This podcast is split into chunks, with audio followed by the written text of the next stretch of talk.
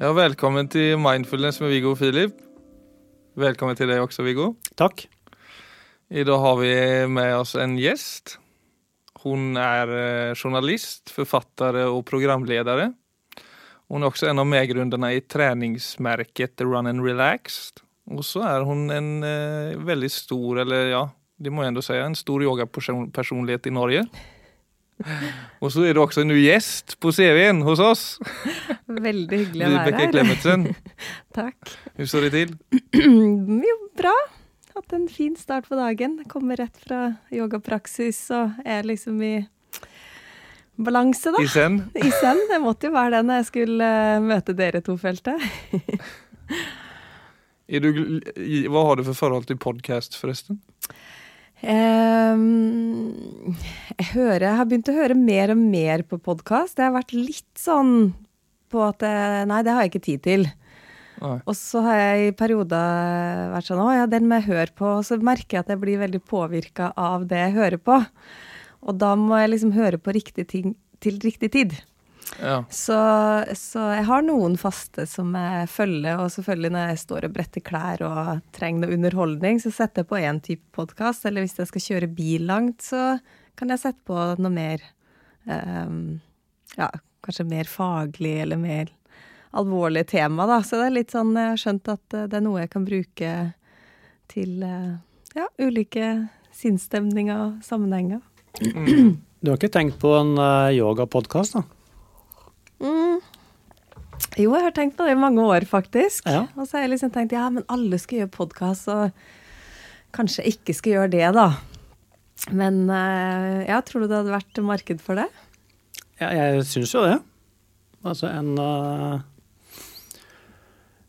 Altså, jeg opplever jo at det er litt sånn med yoga som med mindfulness. At det er en del sånne stereotyper som går rundt i samfunnet. Som uh, Og med yoga så er det jo ofte litt sånn overfladisk uh, stereotype som er rundt her. At det er veldig sånn uh, Det er i hvert fall ikke noe for menn.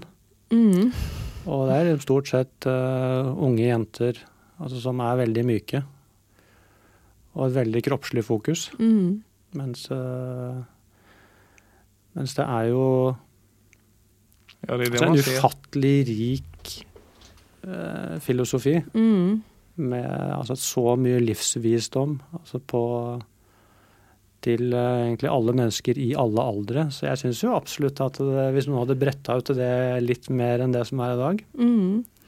Ja, jeg, jeg føler jeg, jeg, Og så føler jeg det treffer meg litt, da, Viggo, det du sier, fordi jeg har jo vært en av de som har stilt opp i alle disse her glossy magasinene, og ikke da at nå er jo jeg litt eldre, så det er jo ikke det at min kropp kan gjøre hva som helst lenger, men ikke sant, for mange så er jo mye av det man gjør fysisk sett ganske imponerende.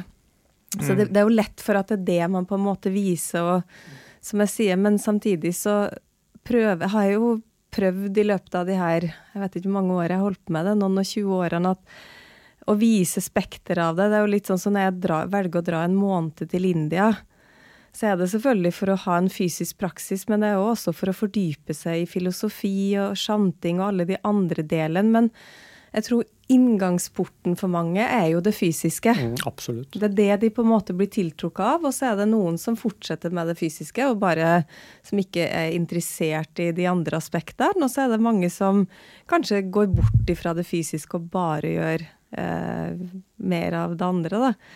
Så, men det er jo det som du sier, det er så bredt spekter. Og så nå har jo yoga blitt mye mer anerkjent og, og eh, Altså eh, Hva heter det for noe Tilgjengelig for folk. Eh, og det blir jo brukt i så ul mange ulike sammenhenger. Og det også er sånn som jeg tenker hadde vært fantastisk å få frem. Mm. Uh, og jeg har jo jobba på noe prosjekt med uh, yoga for tidligere rusmisbrukere. Jeg har vært på Ila fengsel ganske jevnlig og, ha, og uh, hatt yoga. Og når på en måte de ikke-stereotypene, og veldig ofte menn da, som, Mm. som jeg har møtt i de sammenhengene, når de har veldig stor nytte og glede av yoga, Ja.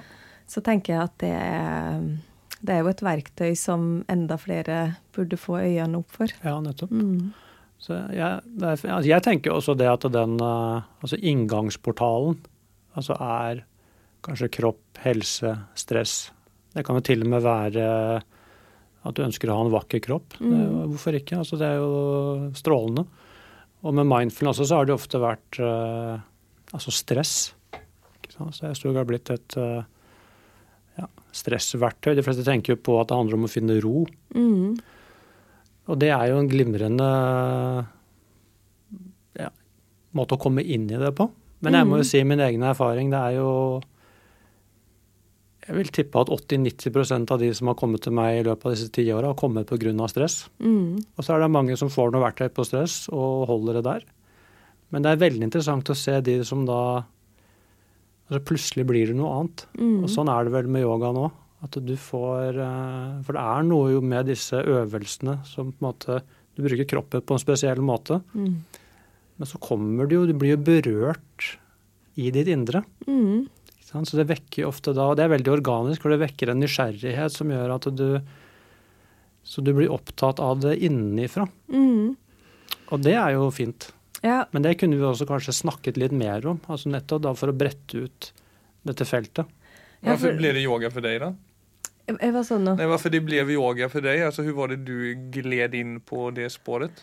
Um, ja, si det. Altså um, Sett tilbake så har jeg jo egentlig skjønt at jeg har ønska å ha eh, yoga i livet på et veldig tidlig tidspunkt. Eh, for når jeg var ungdom, så husker jeg at Og jeg var veldig opptatt av trening, og jeg kjørte snowboard, og jeg liksom drev mye med styrketrening og løping og sånn.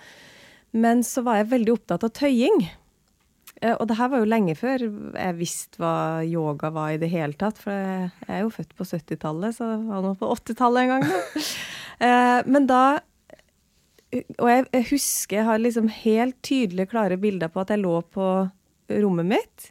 Hadde jeg tatt en håndduk eller noe sånt, for det var jo ikke noe yogamatte. Og så lå jeg og tøyd. Og jeg, var, ja, jeg, skulle være myk, da, men det vet jeg ikke hvorfor. Men, eh, og hvor jeg husker at jeg liksom begynte å linke pusten inn i det her. Og jeg gjorde ikke asanas, altså yogastillinger, men jeg gjorde tøyøvelser, men hvor jeg da skjønt intuitivt at jeg skulle bruke pusten. Som også selvfølgelig har en annen effekt. ikke sant? Så da var jeg ofte ute og løp, og så lå jeg liksom en halvtime, tre kvarter og mm. tøyd med pust, da. Etter det så har jeg jo bare skjønt at jeg har hatt en eller annen nysgjerrighet for det her. Så når jeg da flytta til Stavanger i 97, så om jeg så en plakat Jeg vet ikke, jeg husker jo ikke engang hvorfor, men plutselig så gikk jeg på et hatta-yogakurs hos eh, og nå glemte jeg plutselig navnet hans. Eh, men i, et gult hus, et gammelt gult hus i Stavanger. Veldig, veldig alternativ, eh, litt i mine øyne da i hvert fall, litt rar fyr. eh, og vi drev med alt ifra neseskylling til eh, eh, masse av de her klassiske hatta-yogastillingene, eller med lyd, og vi sto med sånn løve og, eh, og tunga ut. Og, og, jeg, og, jeg, og min bestevenninne, vi gikk på Hotellhøgskolen. Vi var ganske sånn tippende og eh, konservative. Vi fant grenser. Nei, nei. Vi, og det var jo bare liksom voksne folk, gjerne med grått hår og hår under armene. Det her er ting som jeg liksom fremdeles husker. da. Men, og vi hadde altså så latterkrampen da vi kom ut fra de uh, kveldene at uh, vi, husker vi sto utafor og liksom For det, det var kjempespesielt. Ja, klart det. var veldig alternativt. Men det bare vekka et eller annet i meg som Det var noe som, som traff allikevel. Det er interessant. Ja, og jeg, på den uh, tida så var jeg veldig mye i USA sammen med min eksmann, og da Eh, når han var i møter og ting og tang, så drev jeg og hoppa inn på forskjellige yogastudio. Hadde, var det, det, var en sånn tiltrekning jeg hadde. Så hver gang jeg kjørte forbi, så var det sånn Å, der var et yogastudio på det hjørnet. For der var det jo ti år lenge frem i tid, da. Mm. Så det var en sånn um, En nysgjerrighet og en sånn som jeg ble drevet mot. Som, så, um, og jeg har jo fra den, fra den dagen så har jeg jo aldri slutta. Så, mm. Men ashtanga-yoga fant jeg sånn ordentlig i 2003.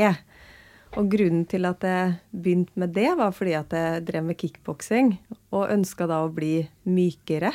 Ja. Eh, og så fikk jeg anbefalt det sånn tilfeldigvis, da.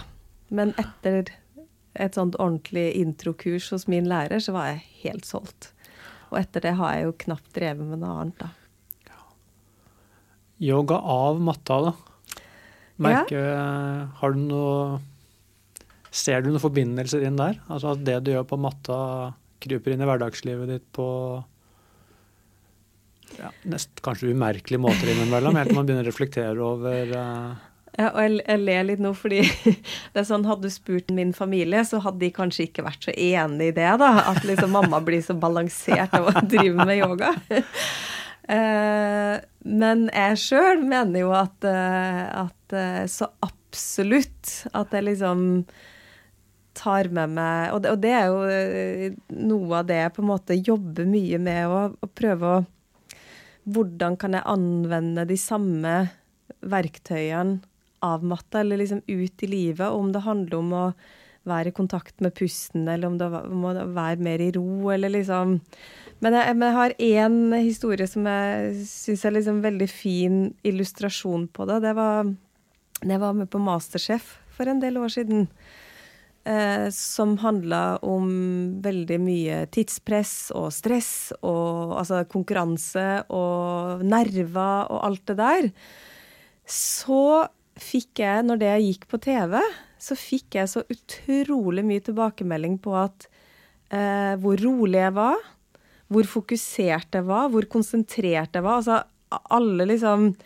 Eh, og hvor kontroll jeg hadde. Og, liksom, og selvfølgelig innvendig var det jo, men samtidig så utøvde jeg, og jeg hadde liksom system og sånn. Og det Da skjønte jeg jo at her anvender jeg faktisk mm. det jeg har lært på matte. Um, så det syns jeg var ganske interessant å skjønne at uh, Nå var jo det i en spesiell setting, men uh, så har jeg jo liksom blitt bevisst det å prøve å ta det med meg. Og så har jeg dager hvor jeg tenker herregud, har, har ikke jeg drevet med yoga i 20 år? Og hvor jeg altså Når jeg står og kjefter på barna mine eller mannen min, eller du vet sånn, det er kaos, og jeg bare tenker skal ikke jeg egentlig være i send, liksom? Ja. Men det er man jo ikke alltid. Nei, og det er jo også viktig å snakke om. At, ja, hva med eh, deg, Viggo, som på en måte eh, eh, lever det her sånn som jeg har forstått? Er du alltid i send? Altså, du kan jo spørre kona mi hvordan jeg er i bilen, f.eks. Så det var en venn av meg som jeg kjørte med for noen år siden. Han sa han hadde sittet på meg i bilen og sa han, du kunne jo tenke det at dette her virker jo ikke i det hele tatt. så, så, så, nei. Og jeg tror, eh, jeg tror nesten det er litt sånn skummelt bilde. ikke sant? Altså, vi har den der, Det er jo egentlig en sånn stereotyp mm. så hvor man eh, nesten ikke er helt levende. Altså Akkurat som om man kan få inntrykk av det noen ganger særlig, kanskje med sånn mindfest-litteratur. at det, Hvis du leser disse ordene og ikke har praktisert det, så kan det se ut som om du skal prøve å bli litt sånn ufølsom robot som bare går gjennom livet og er helt upåvirka. Mm. Eh, som det jo heldigvis ikke er. Men, eh, men, jeg må jo si at det å Det skjer jo like mye i følelseslivet og i sinnet som det alltid har gjort. Men det er klart at dere har holdt på med dette i snart 30 år, så kan jeg jo se det at gudskjelov altså, jeg har jo fått verktøy til å håndtere det. Mm. Så det er jo den store forskjellen. Mm. Så det er uh, Men håndterer du alt, liksom? Ja, Det er et godt spørsmål. Altså det, hvis du tenker på det å håndtere alt, så betyr at du aldri mister fatningen og ikke blir sint og ikke blir stressa? Nei. Nei. Det, men jeg opplever likevel at alt kan håndteres. Mm. Og det er jo en utrolig god trygghet å ha. Altså, for det er jo krevende å være et menneske. Men det er akkurat som jeg tror det denne praksisen har gjort med meg, er det at jeg har sakte, men sikkert begynner å innse det at alt det, alt det vi trenger for å kunne stå mm. i et menneskeliv, det er vi faktisk utrusta med. Mm. Så og når jeg tenker på det, og så kjenner det, så da skjønner jeg virkelig verdien av det, og egentlig også hvor mye, vi, og hvor mye mer dette handler om enn bare sånn du vet, fysisk trening, finne litt ro. Altså det er uh,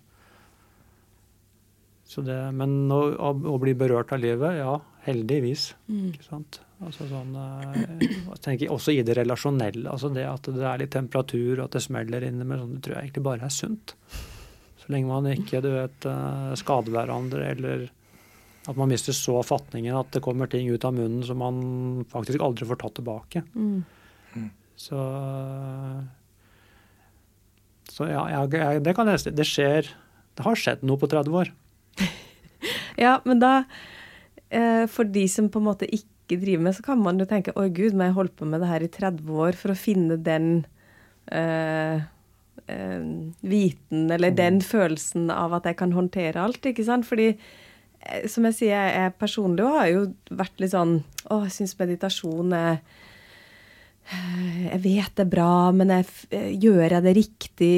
Får jeg den effekten jeg skal ha? Du vet, den der eh, Gjør det noe forskjell, egentlig? Altså, sånn som med en fysisk praksis, så kan du jo ikke sant, Du får til ting, plutselig så flyr du gjennom i Altså i vinyasa, Mm. eller du klarer å stå på hendene. Det er veldig sånn mål, målbart hva du får til. Mens med sånn som meditasjon og mindfulness, som jeg sier, jeg trener jo på det her, så jeg har virkelig, jeg prøver å gå inn i det. Men jeg tenker for veldig mange andre også er det sånn Hvordan vet jeg at jeg gjør det riktig, og hvordan kan jeg måle effekten av det? Det tror jeg liksom Ja. Det har jeg et synspunkt på, altså, som, Ja. eh, som kan være inspirerende å dele. For at jeg har jo altså jeg har jo sånne grunnkurs i dette som er på seks til åtte uker ofte. Og som jo er, det er jo veldig kort tid. Det kan Det kommer folk som ikke har peiling på dette, ofte som bare stresser. Eller også en del som sliter. Men Det kan være altså sånn lettere psykiske lidelser. Og en av de tingene som jeg må si er målbart, og som eh, har en tendens til å dukke opp uh, ofte mot slutten av et sånt kurs, det er at folk får en De begynner å erfare at de ikke er sine egne tanker. mm? Sånn at alt det som eh, Det er nesten som om eh, du vet, Det er mange som har det sånn. Det er nesten som du har en person inni deg som hamrer løs på deg. Og, det gjør jo vondt. altså Selv om det bare er verbalt, så gjør det de slag inni det gjør vondt. Og det å få litt distanse til det, og kunne begynne å, å se at uh, de tankene kan fortsatt dukke opp, og disse følelsene kan også dukke opp. Men eh, jeg kan også være med dem på en annen måte. mm, Og, det får jeg veldig ofte tilbakemelding på i løpet av bare du vet, tre til seks måneder, at ting har endret seg der. Mm. Og det er jo kjempeforskjeller altså for, altså i et menneskeliv. mm, Å kunne på en måte være som om alt jeg tenker og føler er selve sannheten. mm, Til å kunne se at ja, dette er jo bare tanker og følelser. mm. Og veldig mye av det er jo bare grums. Som jeg ikke trenger å ta så høytidelig. Ja, Og så er det jo det, det styggen på ryggen man Ja, kaller det, ikke sant? Ja. Eller eh, trollet på skuldra, eller hva. Ja, mange ord for det. Men eh, Og det, det Akkurat det du sier der, har jeg selv erfart, men samtidig så kan jeg også innrømme at jeg har perioder hvor jeg ikke finner den Mm. kontakten eller den eh, på en måte distansen, da. Hvor, eh, hvor hodet overtar, eller liksom eh, Ja, tar over. Tankene tar over, og du, du klarer ikke å finne det skillet. Mm. Og så er det jo det jeg har opplevd, det er jo at når jeg trenger det som mest, sånn som type meditasjon, eller for så vidt også yoga, men da klarer jeg ikke å finne roen til det. Så når det stormer som verst, og jeg vet at hadde jeg bare klart å satt med deg nå, og gjort, og jeg har masse sånne guida meditasjoner, og hadde jeg bare klart å sette med det det ene kvarteret, men da er det så kaotisk, og det er så høy temperatur inni mitt hode og, liksom min kropp, at det, det, det, det bare jeg, Da tror jeg jeg måtte ha blitt liksom tvangssatt i en stol og liksom eh, Ja. Og det, det er jeg mye frustrert over. At liksom, ja, hvorfor kan jeg ikke bare en gang for alle skjønne at når jeg faktisk virkelig trenger det, så må du liksom komme deg dit. Ja, Det er utrolig interessant, akkurat det du sier der. Det tror jeg er også viktig å snakke om. Ja. Det er mange som ja, er harde med seg selv på akkurat det punktet. Altså hvorfor Og jeg må bare si at eh, sånn er vi faktisk. Mm. Og hvorfor? altså Det kan man godt spekulere i, men altså, det er noe med den, altså, det å komme over dørstokken når man trenger det som mest, er det som er vanskeligst. Ja, og så tror jeg også for meg, som jeg sier, da, at jeg bruker jo nettopp yogaen og de verktøyene her til å komme i kontakt med meg sjøl. Men når ting er kaotisk, når ting er mørkt, og når ting er vanskelig, inni meg sjøl, mm. så har jeg jo ikke lyst til å sette meg ned og gå inn dit. Klart det.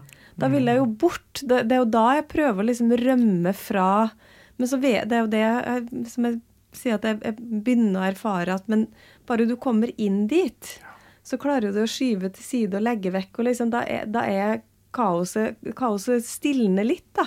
Mm. Men det er akkurat som jeg har en enorm stor motstand mot å gå inn i det når det er så urolig og vondt. Og det er mm. liksom sånn, en sånn terskel som jeg skal øve masse på ja. sjøl, i hvert fall. Ja. Tenker jeg. Men jeg tror du sier det der. Det er akkurat det, for det første øyeblikket du setter deg ned da, det er jo veldig smertefullt. Mm. En, så det er det prinsippet egentlig som er noe man må få innunder huden. Dette med kanskje et øyeblikk av ubehag, og så et liv i frihet. Mm. Kontra denne unnvikelsen og utsettelsen som er så lett for oss. Og så får vi ikke helt med oss at vi går og bærer på skulderen i stedet. da blir det bare med. Mm. Selv om kanskje vi kan distrahere oss inn i masse andre ting, så blir vi jo bare fragmentert inni oss, som er denne så akkurat hvordan man kommer liksom fra det til det, det tenker jeg igjen, det er jo bare denne regelmessigheten i praksisen som sakte, men sikkert gjør at, ja, at man til slutt mm. bare skjønner at det nå jeg kan godt stå her og kjempe, men altså det beste jeg gjør nå, er jo egentlig bare å sette meg ned. Mm. Eller begynne å puste litt dypere, begynne å bevege meg litt. Den, uh...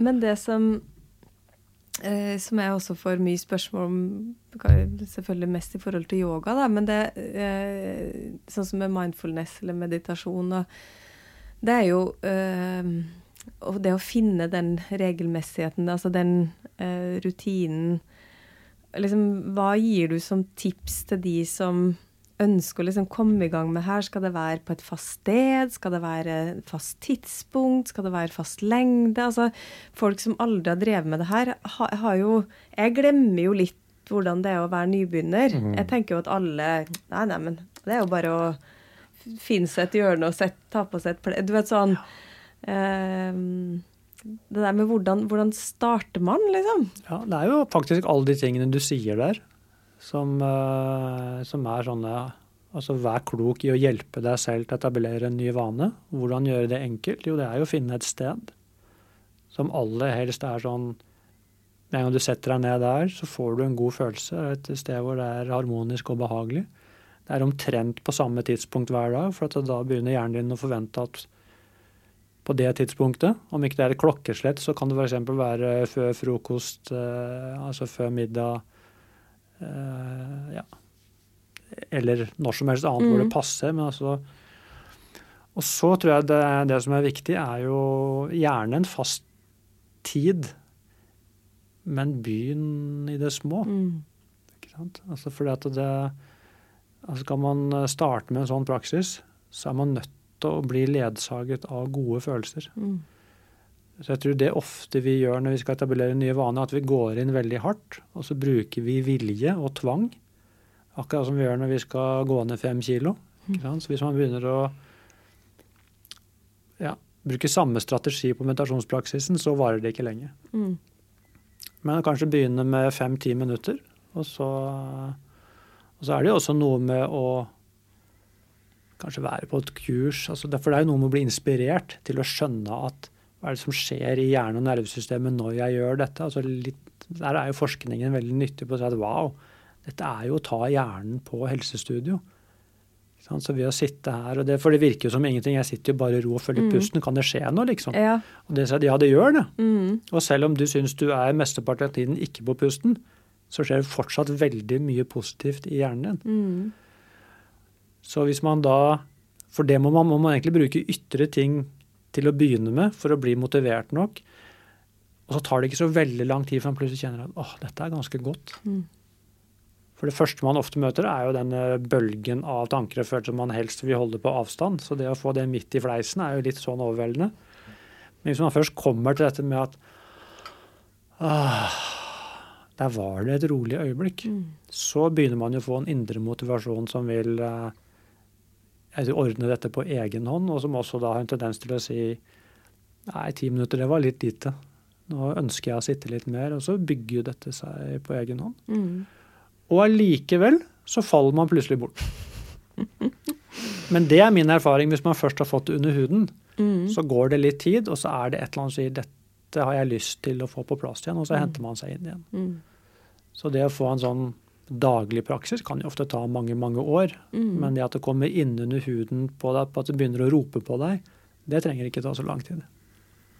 Ja, det kan jo være jag, alltså för min del, jeg sliter också, eller också, jag ska inte säga om du sliter med det eller ikke, men jeg har jo alltså väldigt in og ut av praxis. Men det jeg på en måte har fått inn som en veldig tydelig vana, det er det å bare få kontakt. Om det nå er bare i noen sekunder eller noen minutter. Men det å på en måte For vi er jo så mentale, og arbeid og jobb og praktiske gjøremål er jo veldig mentalt. Du må planlegge, du må liksom fikse ting. og Er man forelder, og som du også er, så er det liksom mye som må tenkes igjennom. Mm.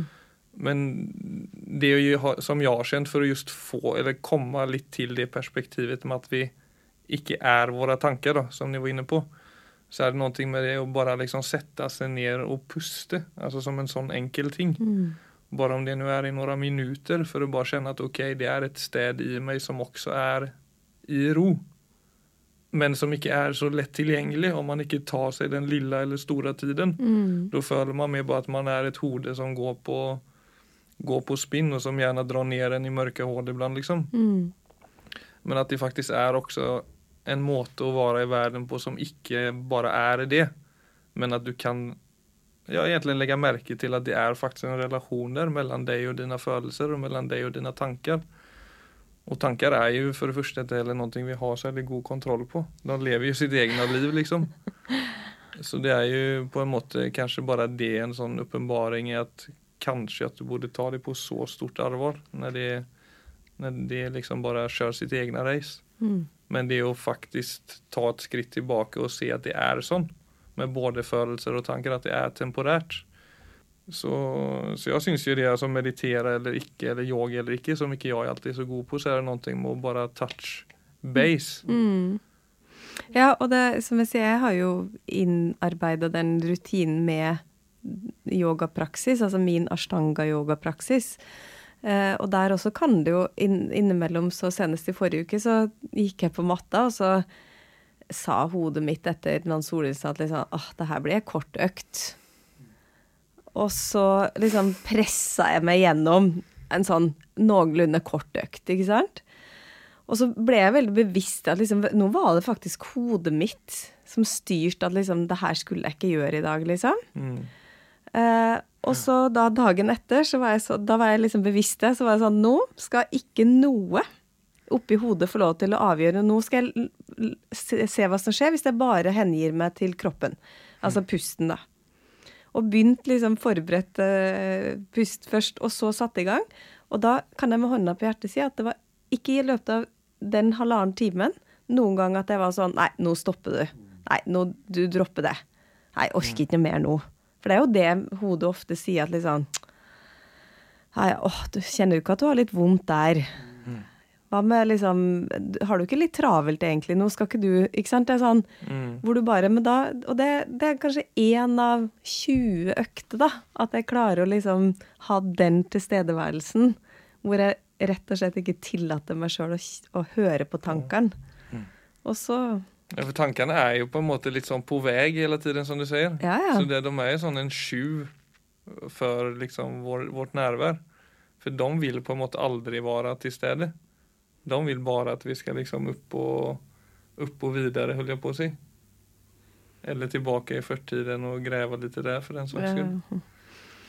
Men det er jo da det å ha det alternativet ja, det det som du da har sant? Altså Det er noe annet enn den tankestrømmen som du kan henvende deg til, og som tar deg et helt annet sted. Mm. Det er vel kanskje noe av det viktigste med altså denne praksisen som det mases så mye om. Ja. Som, uh, altså kjenne på den Ja, det må jeg si. Det er liksom noe hele grunnen til at jeg sitter der og har kjent på den innsikten at det faktisk er så at vi har et forhold til tanker og kjensler det er ikke de som definerer oss, mm. men det er lett å tro det, på en måte. Så det, det, er jeg veldig tacksam for, trots at det stormer noe jævelsk til tider. Men Hvordan har det vært for deg og, og korona og familieliv? og Du holder jo på med mye sånn innenfor jobb og yrkesliv. og Har du lett liksom for å finne en balanse og sånn i, i, i det store hele? Mm. Nei, altså nå har jeg jo brukt så mange år på å liksom prøve å finne den her balansen mellom nettopp altså alle typer jobber, alle roller, alle liksom Hverdagen og livet generelt. Da. Det, jeg føler at jeg har brukt mye tid på det. Mm. Og så kom jo korona, da, så det, det kasta jo rundt på alt.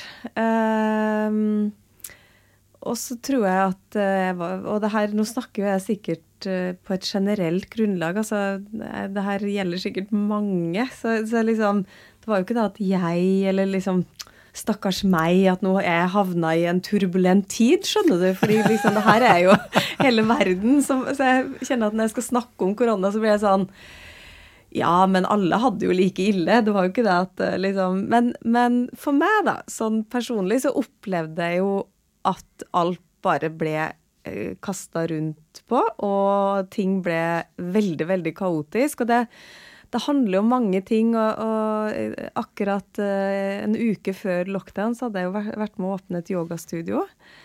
Uh, og så er jeg jo gründer, så jeg driver jo det her andre uh, selskapet mitt, Run and Relax. Um, som selvfølgelig Altså, det er veldig personlig. Det er veldig Jeg har jo investert mm. masse penger og tid og, og energi i det. Og når en sånn situasjon dukker opp, så vet man jo ikke hva som skjer. Eh, og vi måtte permittere alle sammen, og jeg ble permittert. Og altså, barna skulle plutselig på hjemmeskole. Det var jo aldri noen som hadde hørt om hjemmeskole før plutselig 13. mars, liksom. Og uka etter mm. så var alle i gang med hjemmeskole. Ja, hva betyr det da? Og, og jeg har jo da en som gikk i andre, og en som gikk i femte. Så det er sånn, de er jo ikke veldig selvstendige. Så da har du plutselig liksom to stykker som, som trenger masse hjelp og, og styring og og så hadde, har jeg da jeg har jo en stor datter som eh, hadde flytta hjem fra USA. Og som ikke hadde noe hun, var, hun, skulle begynne å studere igjen til høsten, så hun var sånn midt imellom. Og og ikke sant, i 21 år og midt i liksom beste ungdomsårene, og ikke kan du møte venner, og ikke kan du feste, og du, du liksom blir satt Nei. veldig begrensning på, da. Så jeg tror liksom det kaoset Altså totalt, pluss at da mor mista liksom den daglige rutinen sin på å kjøre inn til byen og praktisere yoga, som er liksom er kanskje det eneste jeg claimer hvis, når det kommer til, til saken til Hvis jeg hadde blitt stilt til veggs, så, så ble det jo bare kaos. Kjente det liksom eh, Og jeg ja, kan vel med hånda på hjertet si at jeg ikke befant meg på et veldig godt sted, men som jeg sier, det, jeg var sikkert ikke alene om det. Men det første jeg gjorde, som, som, på en måte For jeg måtte ta litt grep, og det jeg også merka at jeg ble enormt påvirka av ting utenifra. Mm. Så sånn som sosiale medier, de første ukene så ble jeg Altså, og alle skulle kaste på å ha liksom yoga på Insta-TV, og det var Altså alle som skulle tilby ditten og datten, og, og, alle skulle legge ut hvor fantastisk det var å plutselig gå tur i skogen og telte, og, og det liksom og jeg syns det bare var kaos og ikke likte å undervise på, gjennom en skjerm. Og, mm. eh, eh og som jeg sier, ikke fikk jeg dra på kontor, og vi, mm. vi, du vet, plutselig så sitter man bare og ser på hverandre gjennom en skjerm, og så skal man liksom eh, så, så, det første jeg gjorde, var jo at jeg lukka Instagram. Ja. Og jeg var ikke inne på appen på over en måned. Så det var en sånn eh, fysisk grep, tenkte jeg si, eller um, som jeg bare Fordi jeg kjente at det det, det påvirka meg så innmari negativt. Så jeg, jeg kunne mm. bli sur på uh, mannen min og familien min på at vi ikke satt og grilla uh, i skogen. Og egentlig så var barna ferdig med hjemmeskole for en halvtime siden, liksom, for da var det noen andre som gjorde det.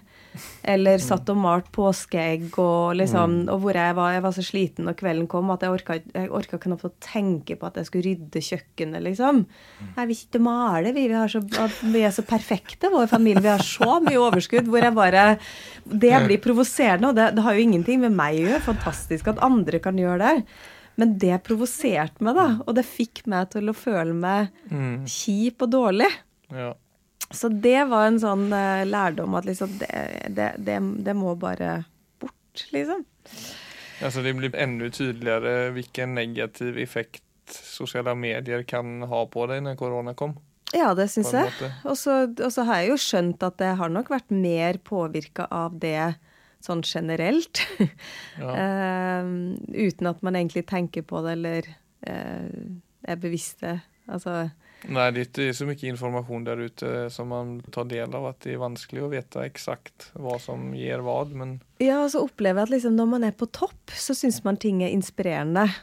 Men er man på bunn, mm. så er ting provoserende, eller eh, Da blir man bare deppa for at andre har finere hus eller nye sko eller en ny veske Du vet sånn helt sånne egentlig irrelevante ting, da.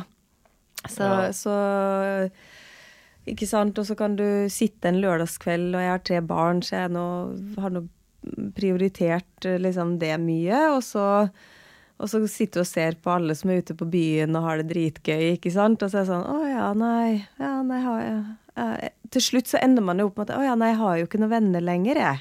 Og så er det sånn, og så er jo ikke det i tilfellet i hele tatt. Men, men ja, jeg vet ikke. jeg- Det, det påvirker meg på mange flere måter enn hva jeg kanskje har skjønt, da. Men det kom så innmari tydelig frem under korona. Og så har jeg nå faktisk lært meg til å liksom bruke det mer sånn som jeg ønsker. Så jeg går aldri Har jeg en dårlig dag, så går jeg aldri inn på Instagram. Eller liksom eh.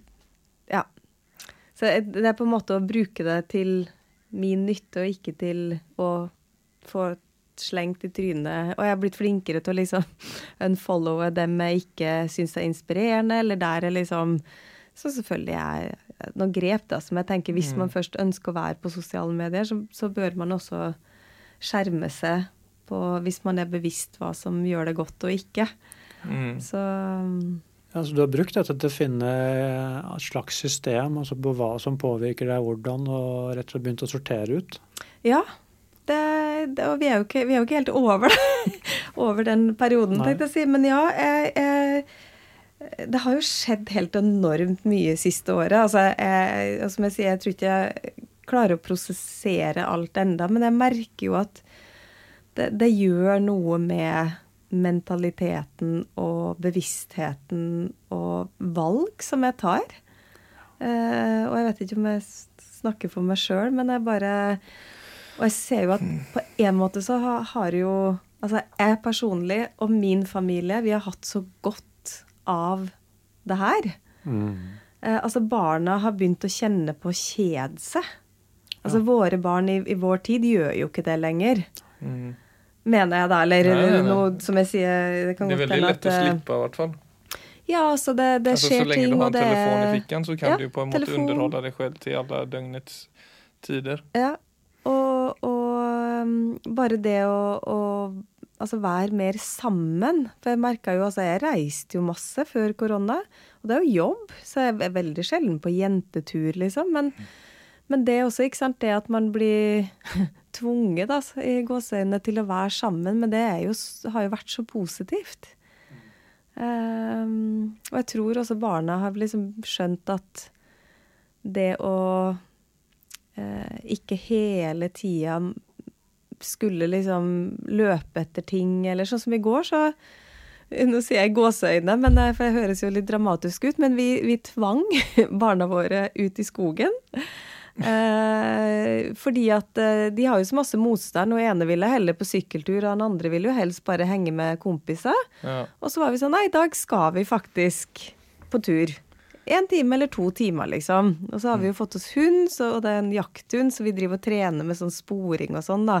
Og det syns de jo egentlig er veldig gøy. Men da merker jo jeg at liksom, du har masse motstand. Kommer i bilen og fremdeles liksom mm, innom og kjøper noen boller og liksom Og så kommer vi oppi der. Så etter fem minutter så har jeg en samtale med sønnen min som er elleve, som jeg ikke kan huske sist jeg hadde, liksom. Da begynner han liksom å Masse tanker og spørsmål og Og det er jo bare fordi at plutselig så befinner vi oss på en sti, bare oss to, ingen telefon. Altså hvor du begynner å liksom reflektere og Så, så det, det, er sånn Og så når du da spør etterpå, så er det sånn Ja, men var det OK? Ja, det var helt OK, da. Men Og ikke for at det, det her nødvendigvis har noe med korona å gjøre, men altså altså telefon og iPad og det, det er liksom den der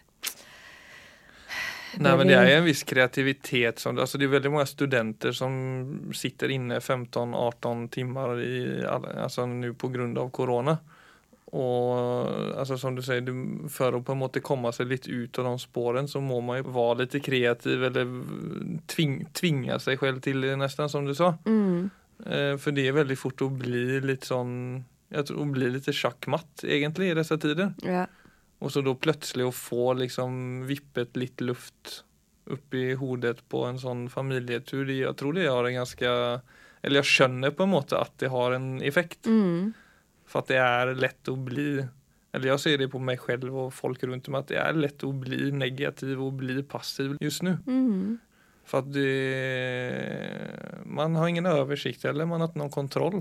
Man vet ikke liksom hvordan neste dag helt utarter seg, både som skolen og jobben. og Blir det noe jobb, eller blir det innstilt? Mm. Det er ekstremt utrygt. Mm. Så det er klart at du blir du må jo nesten være litt sånn oppmerksom på det at ok, det er de krever faktisk litt mer av meg just nå Mm. for å få det bra enn hva de, hadde, hva de gjorde for over et år siden. Yeah. Det tvinger jo fram den refleksjonen da, som jeg opplever at du også peker på her. Ikke sant? At det, er, at det tvinger deg til å gjøre ting som du ikke ville gjort når eh, egentlig hverdagen gikk av seg selv. Mm. Altså fra gjøremål til gjøremål til gjøremål, og så gjør alle det. Og, da, og hva er det vi går glipp av når det er på den måten? Jo, det er kanskje f.eks. det at vi gikk en tur i skogen, og så snakket vi plutselig om noe annet fordi eh, hvilepulsen kanskje var eh, litt lavere enn den noen gang kommer. Mm. Altså når vi hele Mm. tiden er i eh, Altså fra å gjøre, gjøre, gjøre, gjøre, gjøre. gjøre. Så det er jo, jeg tror det er viktig å snakke om i denne ja, Både nå, det er jo fortsatt ikke over, men Mm. også sånn i etterkant når vi skal gjøre opp status med liksom hvordan denne perioden har vært. Så er det altså jeg tror masse innsikter. Mm. Så det er veldig mye man kan ta med seg av verdi. Nettopp fordi man har vært igjennom eh, en periode som har vært vanskelig. Mm. Så kan man i hvert fall bruke det til det. Altså hva, hva lærte jeg av dette? Hva skal jeg, ta, hva skal jeg huske på? Hva skal jeg ta med meg videre? For det, det er garantert masse Mm. nyttige refleksjoner. Ja, det er jo barn og ungdommer som jeg føler er liksom de mest sånn sårbare i det anseendet, for at de har få perspektiv. da, vanligt, vanlig, vanligvis. Og ha det der sosiale er jo på en måte for mange hele livet. Men for oss voksne så er det liksom altså, another year. altså Det er litt sånn, det er seg likt, og vi har liksom et bredere syn på livet. Men for barn så er det så avgjørende varje år i ungdomen. Mm. Alltså allt man gjør og, og så videre. Og der tror jeg selv, om jeg hadde vært 18 år nå och gått igjennom dette, så hadde det nesten vært psykotisk, tror jeg. ja, men det er Ja, så nei, altså, jævla som jeg rart, sier, liksom. har jo ei Altså, det er veldig Ja, du har jo en som er 22 22 år. hjemme som på en måte skulle ha hatt sine beste studieår i altså, Jeg studerer jo i Skottland da, og er sitter på pikerommet og Ja, det er kjempebrutalt. Og det er Jeg ser at det svinger, liksom. Hun er veldig aktiv og flink. Senest i går var det jo gikk på toppen av Gaustatoppen, liksom. Men da med disse to vennene hun liksom har Mm. lov til å være med, da. Mm. Så, så sånn sett så ser jeg at hun er flink, da, men jeg merker jo at hun sier jo bare å, men det her, det her skulle jo egentlig vært eh, de beste årene i mitt liv, og du vet Og jeg, her sitter jeg, og ja, nei, hva skal jeg gjøre? Altså, det er en sånn litt sånn tunget nedstemthet som jeg Og ikke, ikke at hun er Men jeg bare merker sånn generelt at det er så lett for at man kommer dit, da. Og det merker jeg jo sjøl, at jeg kan ha sånn Yes, masse motivasjon og bare Og så bare rett i kjelleren, liksom, på at ting er tungt, og som du sier, man vet ikke hvordan blir neste uke, og sånn som nå, ikke sant, kan vi dra på påskeferie, kan vi ikke dra på påskeferie, kan vi besøke mormor og morfar, eller liksom eh, Får vi gått på ski, eller du vet Og den usikkerheten er jo Altså, vi, vi takler takler det jo til en viss grad, vi gjør jo det, men samtidig det, det er utfordrende for oss, da. Så, um, og, så, og, så, har jeg jo tenkt masse på det, for det er sånn eh, Og ikke for all del, vi er ikke liksom perfekt lykkelig familie, det er nok av ting men, men, ikke sant, vi er fem stykker eh, og en hund, vi bor sammen, vi, vi har det bra. Eh, vi har hatt oppturer og nedturer, men, men på generell basis jeg tenker jo så mye på enslige mødre eller enslige foreldre, eh, barn som lever i voldelige hjem. Altså det er så mye som man ikke ser, og som er, er privilegert å ikke ha i mitt liv. Da. Men, men det, det, tenker jeg jo veldig mye på. Vet vi egentlig konsekvensen av det vi står i nå? Hvordan vil det bli mm. etterpå? Det, Nei, det vet vi jo ikke. Men det tenker jeg er jo et uh, Ja, altså vi har jo en viss et visst valg der, da. Ikke sant? Altså, for der tenker jeg på altså med the human spirit. Så er det noe med altså utfordringer kan på en måte radbrekke deg. Mm. Men kan også gjøre til at du fant ting ved deg selv som ikke du visste. Sånn at i etterkant av dette så blir det sånn, så skal jo alle fortelle en historie. Og, og det, kanskje de også får øye på også altså Hvilken historie forteller jeg egentlig? For jeg vet ikke om egentlig noen sånn virkelig menneskelig vekst som ikke har blitt utløst av en krise. Mm. Det tror jeg er ytterst sjelden, i hvert fall. Så dette er jo en eh, Og nå er plutselig ja, som de som er unge i dag, da, altså den uh, alderen vi snakker om, som selvfølgelig ideelt sett skulle vært ute og bare vært sammen og utforska livet, men altså nå har alle de fått den ja, kanskje det også fører til et, at det er noen tanker og noen erfaringer som gjør at du tar ting mindre for gitt. Altså, det er noe, et verdisett i dette som, ja, som kan dukke opp. Da. Mm. Som kan også være utrolig viktig for den generasjonen. Som de kanskje oppdager om ti år. Sier du, vet du hva, altså det at vi hadde det året der, det ja, hva vet jeg, altså. Men jeg, for meg så er det, ja, det er Jeg liker å reflektere på den måten og se de mulighetene. Men det som vi snakker om det der med de verk, å ha de verktøyene for å håndtere kriser, som vi på en måte Vi snakker om mye altså innenfor mindfulness og meditasjon for den delen. Altså at vi har ikke så mye fokus på mental trening Nei. generelt sett når vi vokser opp. Så det er derfor det ulykkeligvis blir så at veldig mange blir rett og slett traumatisert av kriser, mm. i stedet for at de fører til vekst.